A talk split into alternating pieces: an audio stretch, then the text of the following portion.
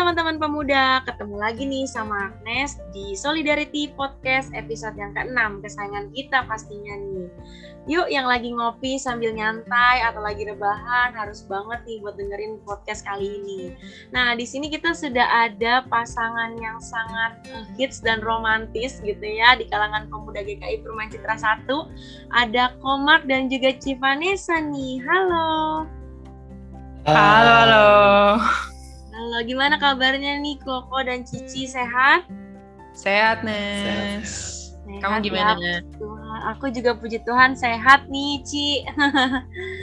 Oke, nah kita uh, sharing-sharing sedikit ya Koko sama Cici. Yes, yes. Boleh banget. Nah, kalau boleh tahu nih, Komak dan Cinesa, gimana sih awalnya bisa ketemu nih?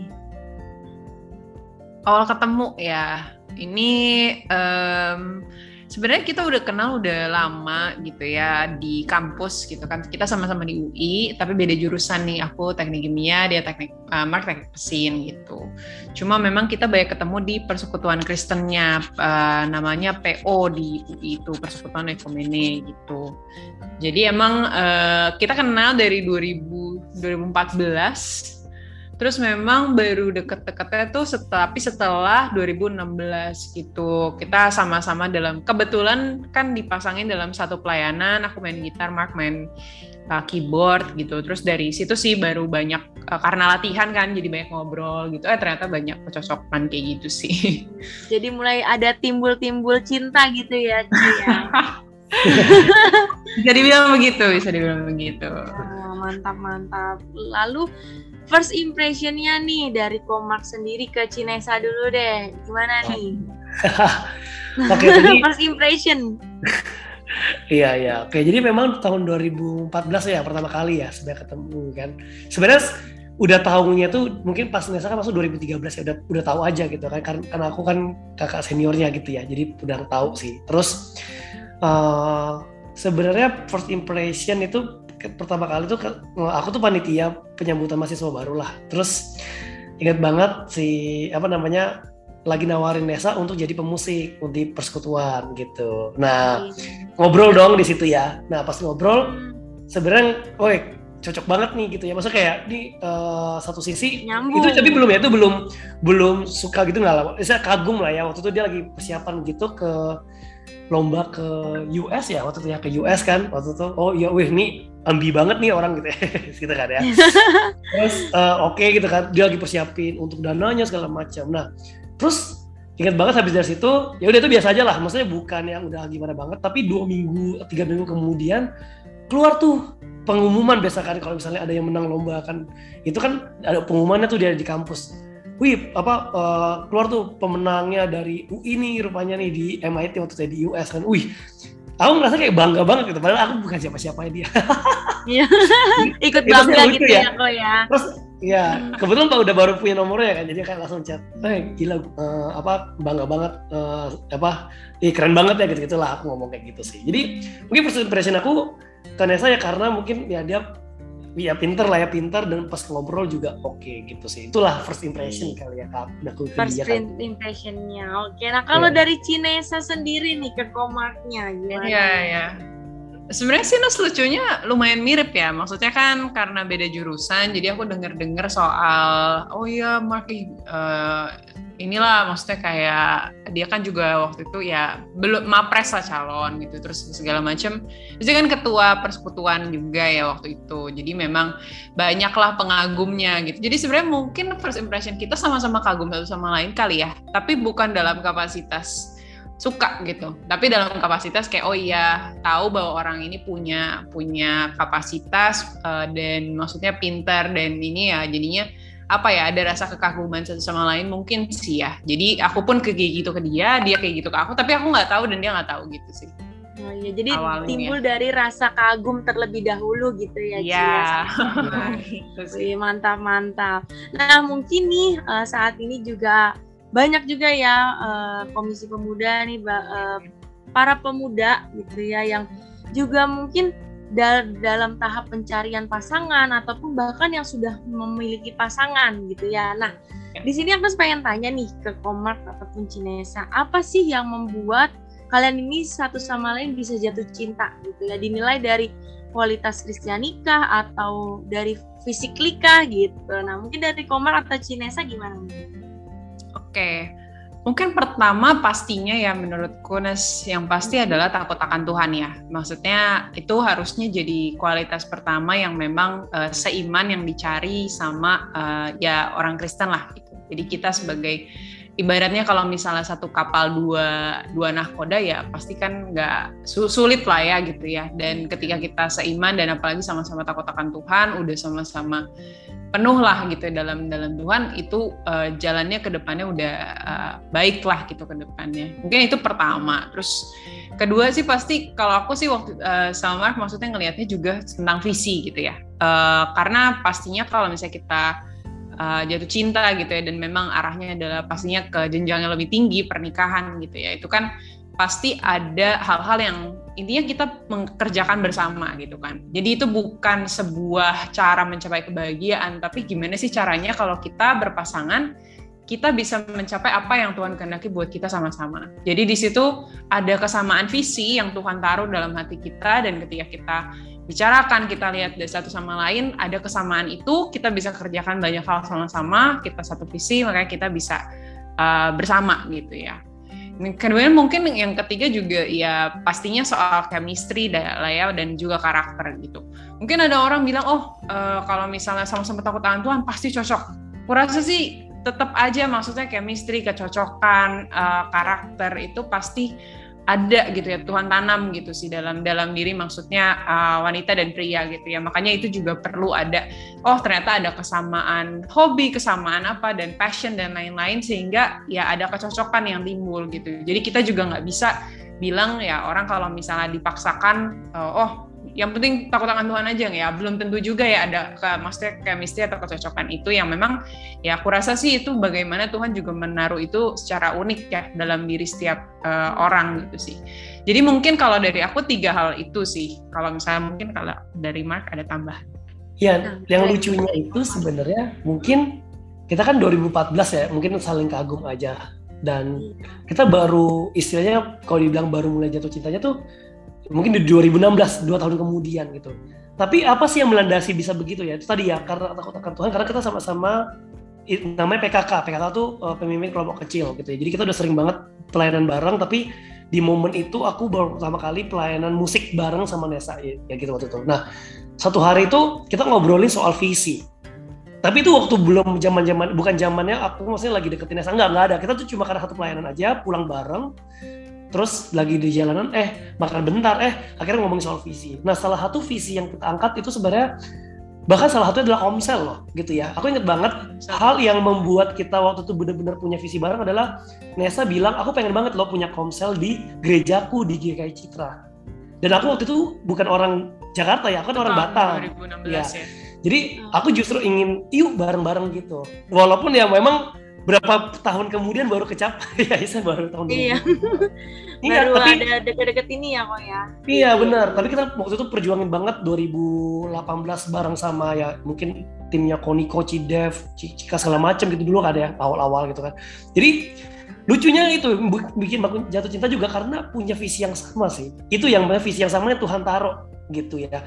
Jadi uh, visi yang sama Tuhan taruh juga bukan di bidang itu tapi juga di bidang-bidang lain lah karena kita juga lagi sama-sama hmm. pegiat teknologi kan sekarang gitu. Jadi itu yang membuat kayak ternyata klik klik gitu ya. Wah, gitu. Takut akan Tuhan ya, terus juga visi yang pengen mengubah Indonesia juga maupun gereja gitu ya dengan adanya komsel.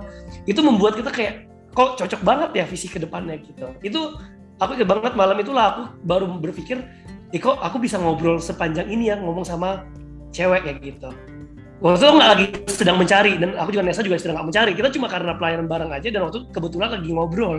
Ya kita tahu nggak ada yang kebetulan ya sebenarnya. Iya, jadi itu udah diatur nih sama Tuhan. Iya kayak pertemuan itu yang bener-bener pas pulang aku langsung mikir wah kok aku nggak bisa pernah cerita yang kayak gini banget sampai berapi-api banget semangat banget gitu sih. Dan ternyata itu jadi awalan banget. Setelah itu baru kita makin lama makin dekat sih. Itu itu kayaknya titik poinnya akhirnya dekat sih. Setelah dua tahun cuma ya sekedar ya kenal kagum aja udah gitu.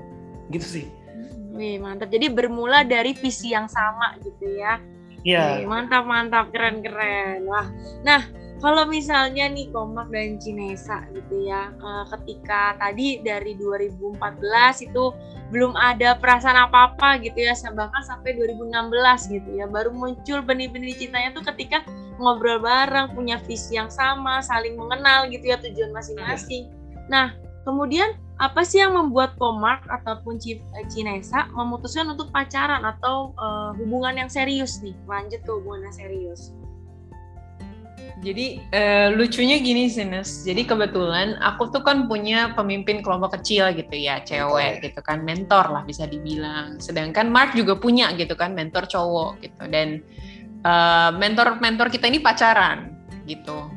Jadi kedua mentor kita ini pacaran dan akhirnya mereka yang mementorin kita dalam hal relationship atau hubungan gitu ya. Jadi dalam relationship pun menurutku penting juga sih. Akhirnya kita sangat menyadari perannya mentor ya, which is mereka gitu ya dalam kehidupan uh, dalam relasi kita karena mereka betul-betul mereka sudah mengalami dulu pergumulannya, uh, kesulitannya sehingga mereka bisa kasih tahu kita lebih baik begini, lebih baik begitu. Dan itu dalam dalam uh, apa ya? Secara Kristiani lah ya. Gimana sih pacarannya yang secara Kristiani. Nah di situ uh, waktu itu sebetulnya 2016 ya waktu itu ya. Kita tuh nggak pacaran sampai tahun 2017 karena memang uh, mentor kita ngasih tahu gitu sebelum uh, pacaran gitu ya. Ada beberapa hal yang harus dipertimbangkan dan di situ kita memasuki fase yang namanya bergumul gitu. Bergumul adalah fase di mana ya kita waktu itu dari fase mempertimbangkan gitu ya. Ibaratnya mempertimbangkan apakah pacaran atau enggak nah ini mungkin agak bingung ya mungkin orang-orang rata-rata kan oh ya udah mungkin dekat-dekat pacaran aja gitu. Nah saat itu kita di stop sama mentor kita diminta untuk memikirkan gitu ya selama tujuh bulan ke depan kalau misalnya kalian pengen ini pacaran ini adalah pacaran yang serius pacaran yang uh, nanti pada akhirnya akan menuju ke pernikahan gitu ya. Ada hal-hal yang kalian harus pertimbangkan. Pertama dari sisi diri sendiri yang diuji gitu ya. Di situ memang kita dikasih buku judulnya Boys Meet Girls dan buku itu ada 12 bab kita bahas dalam 12 minggu gitu ya setiap bab satu minggu. Di situ ada pertanyaan-pertanyaan diskusi semua kita bahas gitu. Itu menguji kita juga dalam hal terbuka satu sama lain ada uh, segala macamnya. Kita kita buka lah benar-benar kita open banget di awal nggak ada yang disembunyikan. Jadi kita udah tahu lah uh, end to end gitu ya tentang satu sama lain di awal itu terus secara paralel uh, kedua itu adalah mentor jadi mereka pun melihat bagaimana kita bertumbuh jadi kita juga ada sesi-sesi konseling tuh sama mereka kita ketemu dikasih tahu dikasih nasihat segala macam gitu ya Ketiga adalah dari sisi orang tua. Jadi aku ngasih tahu mamaku, ma ini aku lagi dekat sama seorang, tolong di, uh, dinilai secara objektif lah. Karena kita nih kalau lagi jatuh cinta, kadang tidak bisa menilai orang secara objektif gitu ya. Sedangkan cinta itu realistis. Jadi harusnya tuh kita tuh nggak di awang-awang gitu, wah baik apa segala macam. Gimana caranya itu kita tuh dibantu orang lain juga untuk menilai secara objektif. Jadi saat itu aku titip pesan sama mama aku, Mark titip pesan sama mamanya dan kakaknya gitu sisi-sisinya untuk menilai aku juga secara objektif. Jadi kita udah ketemu gitu ya. Mamaku ketemu Mark, Mark ketemu uh, mamanya Mark juga ketemu aku dan di situ juga oh, oke okay, kita tahu lah latar belakang keluarga satu sama lain. Karena ketika kita menyatukan dua orang itu berarti kita menyatukan bukan cuma dua orangnya doang kan. Kita satuin keluarganya, kita satuin teman-temannya uh, komunitasnya dalam dalam ya satu kesatuan gitu. Dan yang terakhir juga komunitas. Jadi komunitas itu apakah teman-teman aku bisa menerima Mark? Karena teman-teman aku pasti bisa objektif melihat diri aku dan gimana ngelihat Mark juga. Uh, jadi kalau orang tua kan pasti melindungi aku gitu ya. Kalau ini kan mungkin lebih objektif gitu. Jadi uh, empat hal itu harus dipertimbangkan dan uh, di situ sih sebenarnya kayak kita benar-benar ngerasa apa ya sangat bersyukur sih makanya kayak ya by grace alone lah ya maksudnya karena anugerah Tuhan kita bisa tahu bahwa oke okay, hal-hal ini kita harus uji gitu kan dan dan ternyata setelah mungkin tujuh setengah delapan bulan lah ya jadi kita Desember mulai uh, menggumulkan gitu ya dan akhirnya bulan Juli ya baru baru baru akhirnya memutuskan untuk pacaran gitu. Jadi itu yang menuju pacaran dan itu pun aku tiga bulan sebenarnya di luar negeri ya waktu itu ya. Uh, jadi kita sempat sambil LDR juga waktu itu. Jadi uh, itu sih yang uh, sebetulnya kehubungan serius itu sebenarnya sudah dari lima tahun yang lalu sebelum kita even memutuskan untuk pacaran gitu. Jadi ketika kita pacaran ya betul-betul seriusnya sebetulnya mempersiapkan untuk ke pernikahan, ke pernikahan sih ya gitu. Oke, mantap nih Cimanisa. Jadi ya yang paling penting itu harus terbuka sama keluarga juga ya Cia. Ya. Jadi kadang kalau apalagi nih ya para pemuda gitu ya yang baru uh, mabuk kepayang gitu kadang-kadang jadi nggak berpikir secara realistis gitu ya Cia. Benar, sama benar. kayak uh, aku sih ya kayaknya ya, aku juga seperti Kok gitu? Itu. Dan mungkin yang menolong juga sebetulnya doa sih, Nes. Karena iya. kayak kita kita punya jam doa bareng um, dan maksudnya share podo gitu ya. Uh, Mark share podo ke aku, aku share podo ke Mark dan sebetulnya pada masa maksudnya pada saat kita betul-betul saling mendoakan itu menguatkan juga sih. Hmm. Maksudnya even yeah. pada saat jadi lebih ke arah gimana kita juga mengandalkan Tuhan dalam sebuah relasi bahwa ya harapannya ini bisa ya bukan jadi apa ya bukan untuk kayak kita berdua oh ya cuma suka dan lain-lain gitu ya tapi kan sebetulnya tantangannya banyak sekali gitu sih mungkin itu sih lebih ke arah uh, ya mengandalkan Tuhan lah ya iya, jadi ada Tuhan di antara Cinesa dan juga Komar gitu ya. Ya kan segitiga itu ya. Kalau semakin kita jauh dari Tuhan, um, pasangan juga jauh dari Tuhan ya pasti kita juga akan makin ini sih. Ya, Betul. Bila ada Tuhan di tengah-tengahnya pasti akan diberkati selalu ya Ci hubungannya ya. Mantap.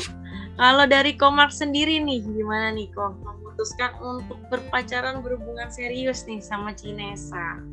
Iya, sebenarnya sama lah ya itu pas kita memang 8 bulan itu ya di saat itulah kita benar-benar tanya Tuhan lah. Sebenarnya selama 8 bulan itu juga proses-prosesnya kan ya kayak kok harus pertama juga mikir ya kok harus gini banget ya gitu ya. Hmm, yeah, yeah. Karena mentor kita benar-benar strict ya. Karena mentor kita kan saling pacaran juga gitu ya. Tapi aku bersyukur banget sih mereka membimbing kita sebegitunya ya.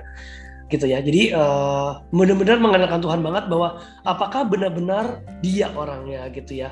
Dan ternyata intinya adalah bagaimana pasangan itu saling membawa kita semakin dekat sama Tuhan sih. Itu sih yang paling penting. Jadi kayak ternyata setelah ber, uh, bergumul itu pertanyaannya adalah nanti terakhir apakah kamu merasa kamu semakin dekat dengan Tuhan juga hmm. akhirnya gitu loh dan bertumbuh juga secara rohani sih dan aku ngerasa banget gitu kayak iya ya ternyata itu menjadi satu indikator yang paling baik ya yaitu bagaimana kita ketika uh, memulai pacaran ataupun sebelumnya ya ketika lagi sedang dekat hmm. sama mereka apakah kita membuat um, kita punya relasi itu juga semakin dekat sama Tuhan intinya tadi segitiga tadi puncaknya di uh, di Tuhan ya gitu ya.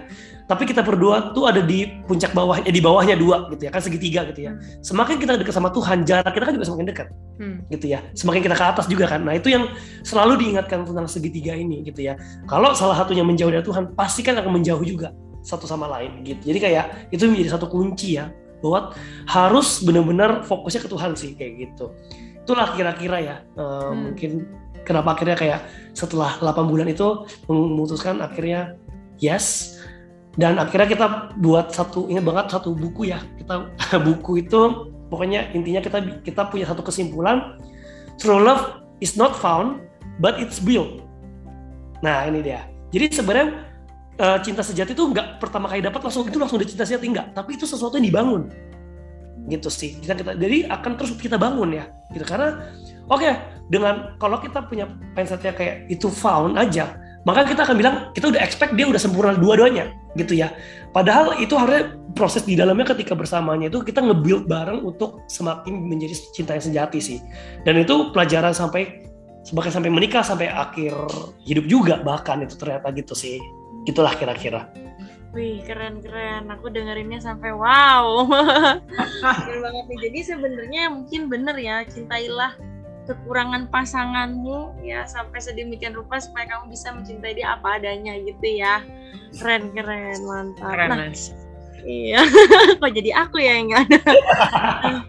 Selanjutnya nih Komar dan Cinesa. Tips and trick mencari pasangan nih mungkin ya. Uh, banyak juga yang masih hmm. dalam tahap mencari pasangan khususnya pasangan hidup ya apalagi khususnya di era pandemi saat ini gitu kan pasti kita akan jarang ketemu orang banyak apa pun yang kita temui pasti menggunakan media online gitu nah menurut Komar dan Cinesa sendiri nih kalau untuk seperti uh, aplikasi dating atau semacamnya itu oke okay nggak sih menurut Komar atau Cinesa nah, dan tips oh. and trick mencari pasangannya itu seperti apa nih oke okay. Oke okay, oke. Okay. menarik sih ini memang menarik banget ya. Tips and trick sebenarnya uh, kadang ya lucunya gitulah. Karena aku sama Nesa tuh bukan lagi saling mencari ya pas ketemu yang jadi nggak lagi di masa mencari gitu. Baru apa namanya oh gimana caranya? Jadi gitu kayak mungkin eh, nggak uh, seperti itu kondisinya tapi sebenarnya makanya tips and trick yang bisa aku bilang adalah bagaimana kita benar-benar ngandalin Tuhan dalam masa-masa single kita itu sih. Aku nanti itu apa namanya yang menjadi satu poin yang utama ya bahwa dalam masa-masa kita single ya tips and triknya adalah penuhi aja diri dengan uh, apa namanya dengan firman Tuhan dengan takut akan Tuhan gitu ya dengan value-value yang bertambah juga. Itu karena apa? Karena akan adanya yang ada masa-masa di mana akan nanti Tuhan kasih gitu loh. Itu yang lucunya karena aku yang hadapi yang aku alami dan bukan lagi masa-masa nyari nih gitu ya nah tapi sebenarnya nggak semua ceritanya begitu. Ada juga kok yang mencari dan itu ya, itu fine fine aja nggak apa-apa juga gitu ya. Mungkin yang pastinya adalah adanya komunitas ya. Gue rasa komunitas itu juga kayak persekutuan, kayak komsel, kayak di gereja pemuda, komisi pemuda segala macam bisa aja ada di antara itu, bisa aja gitu ya. Nah, dan juga mungkin kayak ada kan kemarin ada kayak ignite segala macam ya mungkin sama gereja-gereja GKI lain segala macam conference segala macam itu kita bisa aja menemukan di situ-situ gitu. Karena banyak banget teman-temanku waktu lagi kayak gitu-gitu justru ketemu tuh. Banyak banget gitu ya. Lagi persekutuannya lah atau mungkin lagi antar universitasnya lah waktu itu. Atau antar kalau bunda kuliahnya antar alumni lah gitu gitu ketemu aja gitu ya nah tapi dengan kita tahu lah keterbatasan sekarang ya karena adanya pandemi pasti kan tadi muncul ya. Bukan sebelum pandemi kayaknya udah muncul deh ya, kayaknya deh ya yeah. yang dating apps. Walaupun aku nggak pernah pakai ya. Tapi aku mungkin uh, per, cuma tahu karena nonton Netflix tuh ya apa uh, Tinder Swindler ya. Ya itu ya. Tinder, itu iya. kan sebenarnya gini konsepnya adalah kita itu mencari pasangan uh, kriterianya itu jangan cuma melihat look ataupun appearance-nya lah penampakannya doang gitu. Karena sering kali dating apps ini lebih mengarahkan kepada ke sana aja gitu. Hmm. tapi itu nggak salah ya itu nggak salah. Jadi soalnya gini uh, kalau udah sampai ke daerah situ maksudnya kayak oke okay, tadi gak tau ya apa ya swipe swipe gitu ya katanya ya swipe kiri hmm. kanan gitu ya apalah gitu kan. Nah jadi bisa kalau udah oke okay, dan akhirnya eh ini kayaknya agak cocok nih. Tapi kan itu baru look. Jadi ingat itu cuma satu iya. cuma satu. Jadi bukan mutlak. Akhirnya ya aku udah suka deh sama dia. Nah gitu ya. Nah jangan sampai saya kayak kan banyak motif ya sekarang ya. Apalagi kemarin. kalau wanita emosional ya. Betul gitu ya. Kan ya, cowok dari fisik ya. Ya, iya. cowok dari fisik, Sik. wanita dari emosional, tuh ngomong-ngomong. That's why menurut aku penting untuk akhirnya walaupun udah mungkin ada kemiripan di sana, tetap harus diuji. Jadi nomor satu menurut aku adalah diuji ya dengan adanya mungkin apps ini hanya bisa mempertemukan ujilah dia gitu ya. Mungkin pasti akan dia sebagaimana ya aku kalau aku sih standarnya harus akan takut akan Tuhan gitu ya. Kenapa? Karena uh, kalian tuh akan menjadi rekan kerja. Nah ini ini kan kalian kan pacaran kan sebenarnya satu fase menuju pernikahan. Berarti kalian tuh harus ada di fase-fase kalian tuh mempersiapkan ini ya pernikahan dong ya. Bahwa kalian tuh punya kalian tuh adalah rekan kerja nanti seumur hidup teman hidup gitu ya jadi itu uh, akan sangat selektif lah ya. Mungkin selalu aku bilang kayak cewek tuh banyak tapi yang kita tuh akan hanya cuma satu. Berarti kita harus sangat selektif gitu ya. Jadi gak cuma tuh gak cuma sekedar dapat dari satu misalnya dating apps tadi ya. Oke, okay, kita oke okay, gitu kita sama dia, tapi harus di, ya mungkin ketemu, ngajak ngobrol, bagaimana kedekatannya dengan Tuhan. Ya banyak dengan kriteria-kriteria yang menurut aku harus ada dulu gitu. Jadi sebenarnya nggak salah ya, nggak salah sih dengan dating apps, tapi hati-hati. Saya pertama karena motifnya belum tentu baik sekarang. Tapi kalaupun itu ada yang oke, okay, banyak kok, banyak juga teman-teman aku yang akhirnya juga ini kok, gitu ya, yang oke okay juga gitu. Dan dari situ tapi harus diuji, diujilah dan akhirnya jalanilah dulu mungkin sekitar satu tahunan, dua tahunan untuk melihat masing-masing dan akhirnya saling mengenal ya, gitu sih. Jadi biar bilanglah itu cuma sebagai awalan ya, gitu, awalan aja. Jadi uh, menurut aku tidak ada yang salah asalkan diuji dengan baik juga sih. Kayak gitu sih. Mungkin ya saya ada cerita ya kemarin yang mungkin dating apps? Oh ya nah. sebenarnya sih tahu lah ya maksudnya aku juga punya saudara yang memang ketemunya juga dari dating apps gitu. Tapi memang dia melakukan ya itu dia ketemu dia uji gitu ya dan setelah sekian lama baru kemudian sekarang sih udah udah nikah gitu ya. Jadi aku nggak menurutku sih itu uh, diciptakan dengan tujuan yang baik gitu ya untuk mempertemukan tapi memang pada dasarnya karena manusia ini broken ya menurutku yeah. apa pun itu bisa digunakan untuk tujuan yang salah gitu makanya harus harus hati-hati dan ibaratnya jangan sampai kita menurunkan standar menjadi standar dunia dalam arti oh yang cuma ngelihat look, coba ngelihat oh dia bisa menyenangkan aku dan lain-lain. Tapi gimana kita juga mau itu toolsnya apa pun mau kita ketemu di komunitas itu which is sebetulnya kan pula kita udah bisa lebih baik gitu ya. Kalau tadi Mark bilang soal filter dan lain-lain. Tapi kalau misalnya memang kita tahu bahwa oke okay, ini adalah alat um, tapi apa ya maksudnya tetap doakan tetap uh, punya hikmat um, bahwa jangan sampai kita menurunkan standar hanya karena oh kita nggak ketemu ketemu nih gitu. Jadi jangan sampai standar bahwa oke okay, seiman standar bahwa uh, Tuhan mau yang terbaik gitu ya diturunkan karena ya konteksnya oh mungkin belum belum ketemu temu nih dan udah didesak orang tua nih dan hal-hal seperti itu ya yang mungkin kita sering dengar gitu sih.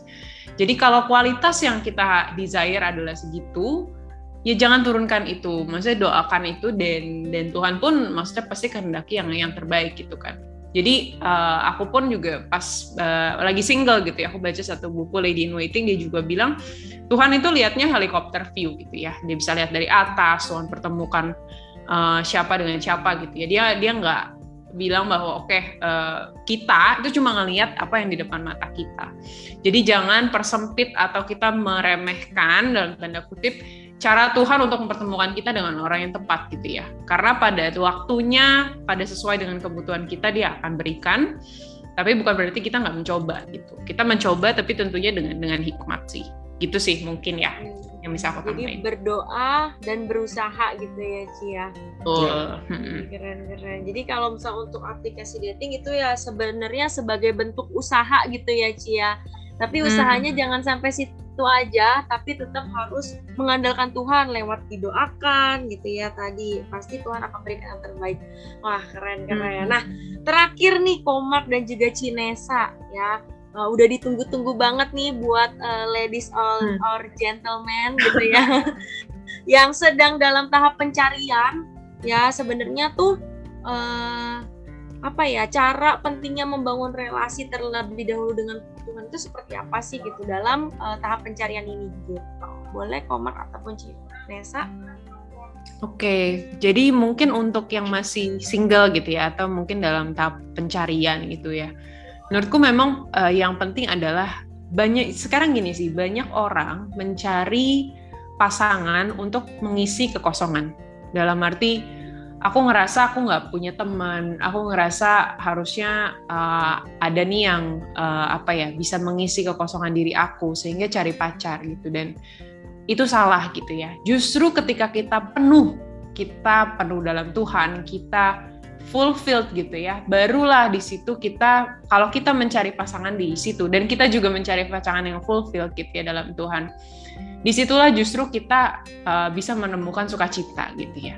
Jadi uh, saranku adalah sebetulnya isi diri dengan sebaik-baiknya, uh, menemukan potensi diri karena ketika kalian uh, pacaran gitu ya, pastikan itu kebagi banget tuh fokus dalam arti ketika yang misalnya lagi uh, masih kuliah gitu ya atau udah kerja gitu kan, pasti kan ketika ada masalah kebagi apa pun maksudnya bisa di share. Jadi itu kan bukan sebuah cara pacaran itu kan bukan sebuah cara untuk memuaskan diri sendiri kan. Pasti ada hal yang harus kita bagi bagi waktu dan lain sebagainya. Jadi itu tidak terjadi kan ketika kita masih single gitu ya. Dan makanya singleness itu adalah waktu yang sangat tepat gitu ya untuk untuk bisa kita mem membuat diri kita sendiri penuh menemukan talenta potensi visi. Dan ketika kita pada waktu yang sudah mempersiapkan diri dengan baik Tuhan akan sediakan kok gitu. Kalau memang pada waktunya itu gitu. Jadi uh, tetap ya tadi ya doakan dan mencari gitu ya. Tapi manfaatkanlah waktu masa ini. Jangan sampai kita uh, kebalik gitu ya. Kita merasa kosong kita cari pasangan. Itu yang salah. Dan aku rasa banyak banget justru orang yang uh, melakukan seperti ini gitu ya. Makanya uh, itu yang uh, menurutku sangat sangat penting ya uh, dalam uh, sebetulnya mempersiapkan diri dalam dalam tahap pencarian ini.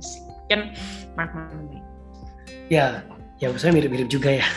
Sebenarnya itu ya, saatnya kita tuh ya kalau masih single tuh kita punya kesempatan untuk mem, ini ya mengupgrade diri gitu ya, nambah value dalam diri kita segala macam. Jadi sebenarnya masa-masa single tuh masa-masa yang sangat indah juga kok gitu. Nggak ada yang bilang masa single, single tuh nggak indah karena single itu membuat kita semakin sadar uh, apa ya potensi kita kayak gitu. Semakin kita mengenal diri kita, potensi kita segala macam, sebenarnya kita akan mencari kalau mencari ya itu adalah orang yang sepadan. Nah ini dia. Ini yang sebenarnya uh, menarik ya. Itu bahkan ketika kalau kalian kita baca di kejadian waktu pertama kali Adam dan Hawa ya. Jadi itu Tuhan Allah tuh bilang tuh ini nggak baik nih manusia seorang diri aja gitu kan. Akhirnya dia mau apa cari penolong lah untuk yang sepadan. Tahu nggak apa yang dia lakukan? Justru manusia tuh disuruh menamai gitu ya, gitu ya. Tapi itu adalah langkah uh, adalah sebuah pekerjaan yang Allah berikan kepada manusia ya itu Adam waktu itu ya. Untuk kayak ya dia melakukan kerja pekerjaannya gitu ya. Pekerjaannya yaitu ya oke disuruh kasih nama segala macam. Jadi dia itu dia uh, sedang uh, dia bukan dalam rangka kayak aduh aku kesepian. Enggak juga gitu. Dia sedang ada dalam pekerjaan Allah dulu gitu ya. Jadi itu ya rangkanya. Tuhan sedang memberikan pekerjaan ya itu sedang memberi nama segala macam. Dan di situ dia mulai sadar oh harus ada penolong yang sepadan tapi bukan karena kesepian itu. Itu karena harus adanya penolong yang sepadan. Nah ini penting banget kata-katanya. Barulah Tuhan berikan. Jadi yang pertama sadar itu Tuhan dulu gitu ya. Kalau di, kita baca secara runtutan kejadian baru masuk ke Adam akhir tidur dan akhirnya muncullah Hawa ya dengan dari tulang rusuknya kayak gitu ya yang Tuhan bentuk. Nah jadi sebenarnya menarik di sini adalah uh, penting nih bahwa sebenarnya satu ya kita bisa lihat di sini adalah bagaimana uh, relasi Adam waktu itu ya apalagi relasi Adam dan Tuhan itu sangat dekat. Itu yang penting tuh. Karena Tuhan sebenarnya yang tahu duluan tuh gitu ya. Uh, kapan kita butuhnya segala itu Tuhan yang tahu. Makanya tadi ya helikopter view dibilangnya kita cuma di depan mata doang. Dan Tuhan akan memberikan pekerjaan yang mungkin belum tentu kita anggap kayak eh kok kayak gini banget ya gitu. Tapi uh, Adam juga tidak sedang dalam tahap mencari sih gitu. Dia single-single aja gitu. Tapi akhirnya dia dari situ sengaja Tuhan buat sampai akhirnya dia sadar gitu ya bahwa dia butuh penolong dan di situ Tuhan kok yang kasih kayak gitu Tuhan juga yang kasih gitu jadi sebenarnya kalau untuk saran ya untuk yang masih single dalam tahap pencarian itu bangunlah dengan baik ya relasi kita dengan Tuhan dulu. Aku, aku yakin kok pasti Tuhan akan memberikan kok gitu ya. Dan ketika membangun relasi dengan Tuhan itu kan tadi konsepnya segitiga ya. Kita semakin dekat sama Tuhan, berarti orang yang akan datang itu juga lagi apa akan semakin dekat juga sih yeah. gitu ya. Dan apa namanya? Tapi waktunya aja, waktunya sabar gitu ya. Kadang tuh nggak sabar aja kita nih. Ada waktu pasti Tuhan akan berikan waktunya dengan yang paling paling paling baik lah menurut aku gitu. Dan ketika tek ih dia ternyata itu kayak kaget bisa kayak eh wah kalau dipikir sekarang ya lucu banget ya bisa ada momen di mana kita latihan bareng gitu segala macam dan akhirnya bisa klik gitu. Itu bener-bener tidak dalam satu desain aku. Lagi internet atau lagi mungkin mau gimana nih bentuk ke aku nggak ada juga dua-duanya kayak gitu sih jadi ya itu penting lah untuk bagaimana akhirnya mengupgrade diri dan juga semakin berrelasi baik ya gitu, terus menerus sama Tuhan. Aku yakin Tuhan sudah menyediakan yang terbaik kok gitu. Jadi gak usah takut yang masih jomblo, yang masih single gitu ya. Gak itu status yang sangat baik, yang sangat mulia menurut aku ya. Yang itu yang di uh, itu status yang mulia.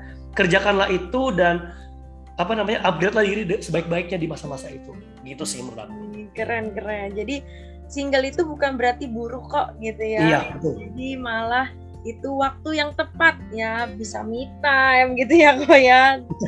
Dan juga bisa mengembangkan potensi diri membangun relasi lebih dekat sama Tuhan. Wah keren banget nih. Wah aku sampai speechless dengernya ya Komar dan Cinesa. Keren banget. Oke nah nggak terasa nih kita udah uh, mau habis waktunya gitu ya. Aduh nanti kalau misalnya boleh kali ya kalau misalnya ada part 2-nya nih biar lebih panjang lagi. Nah, boleh, nanti kita boleh. bisa lebih bahas dalam gitu ya. Oke, terima kasih banyak Komak dan Cinesa. Ya, semoga Tuhan memberkati selalu dalam hubungannya, dalam rencana-rencananya ke depan. Ya, semoga Amin. dilancarkan persiapannya semuanya ya untuk Komar dan Cinesa. Tuhan berkati ya Ko dan Tuhan Cinesa. berkati Nas. Ya, terima kasih. Nah, ini dia teman-teman pemuda ya semangat terus buat uh, kalian yang sedang mencari pasangan hidup ataupun yang sudah memiliki pasangan ya bahwa pentingnya membangun relasi dengan Tuhan sebelum kalian membangun relasi dengan sesama khususnya pasangan hidup. Dan juga yang kedua, teman-teman pemuda harus lebih mengandalkan Tuhan dalam pencarian pasangan hidup gitu ya. Semangat terus dalam pencariannya. Tuhan berkati selalu dan sehat selalu buat semuanya. Terima kasih. Música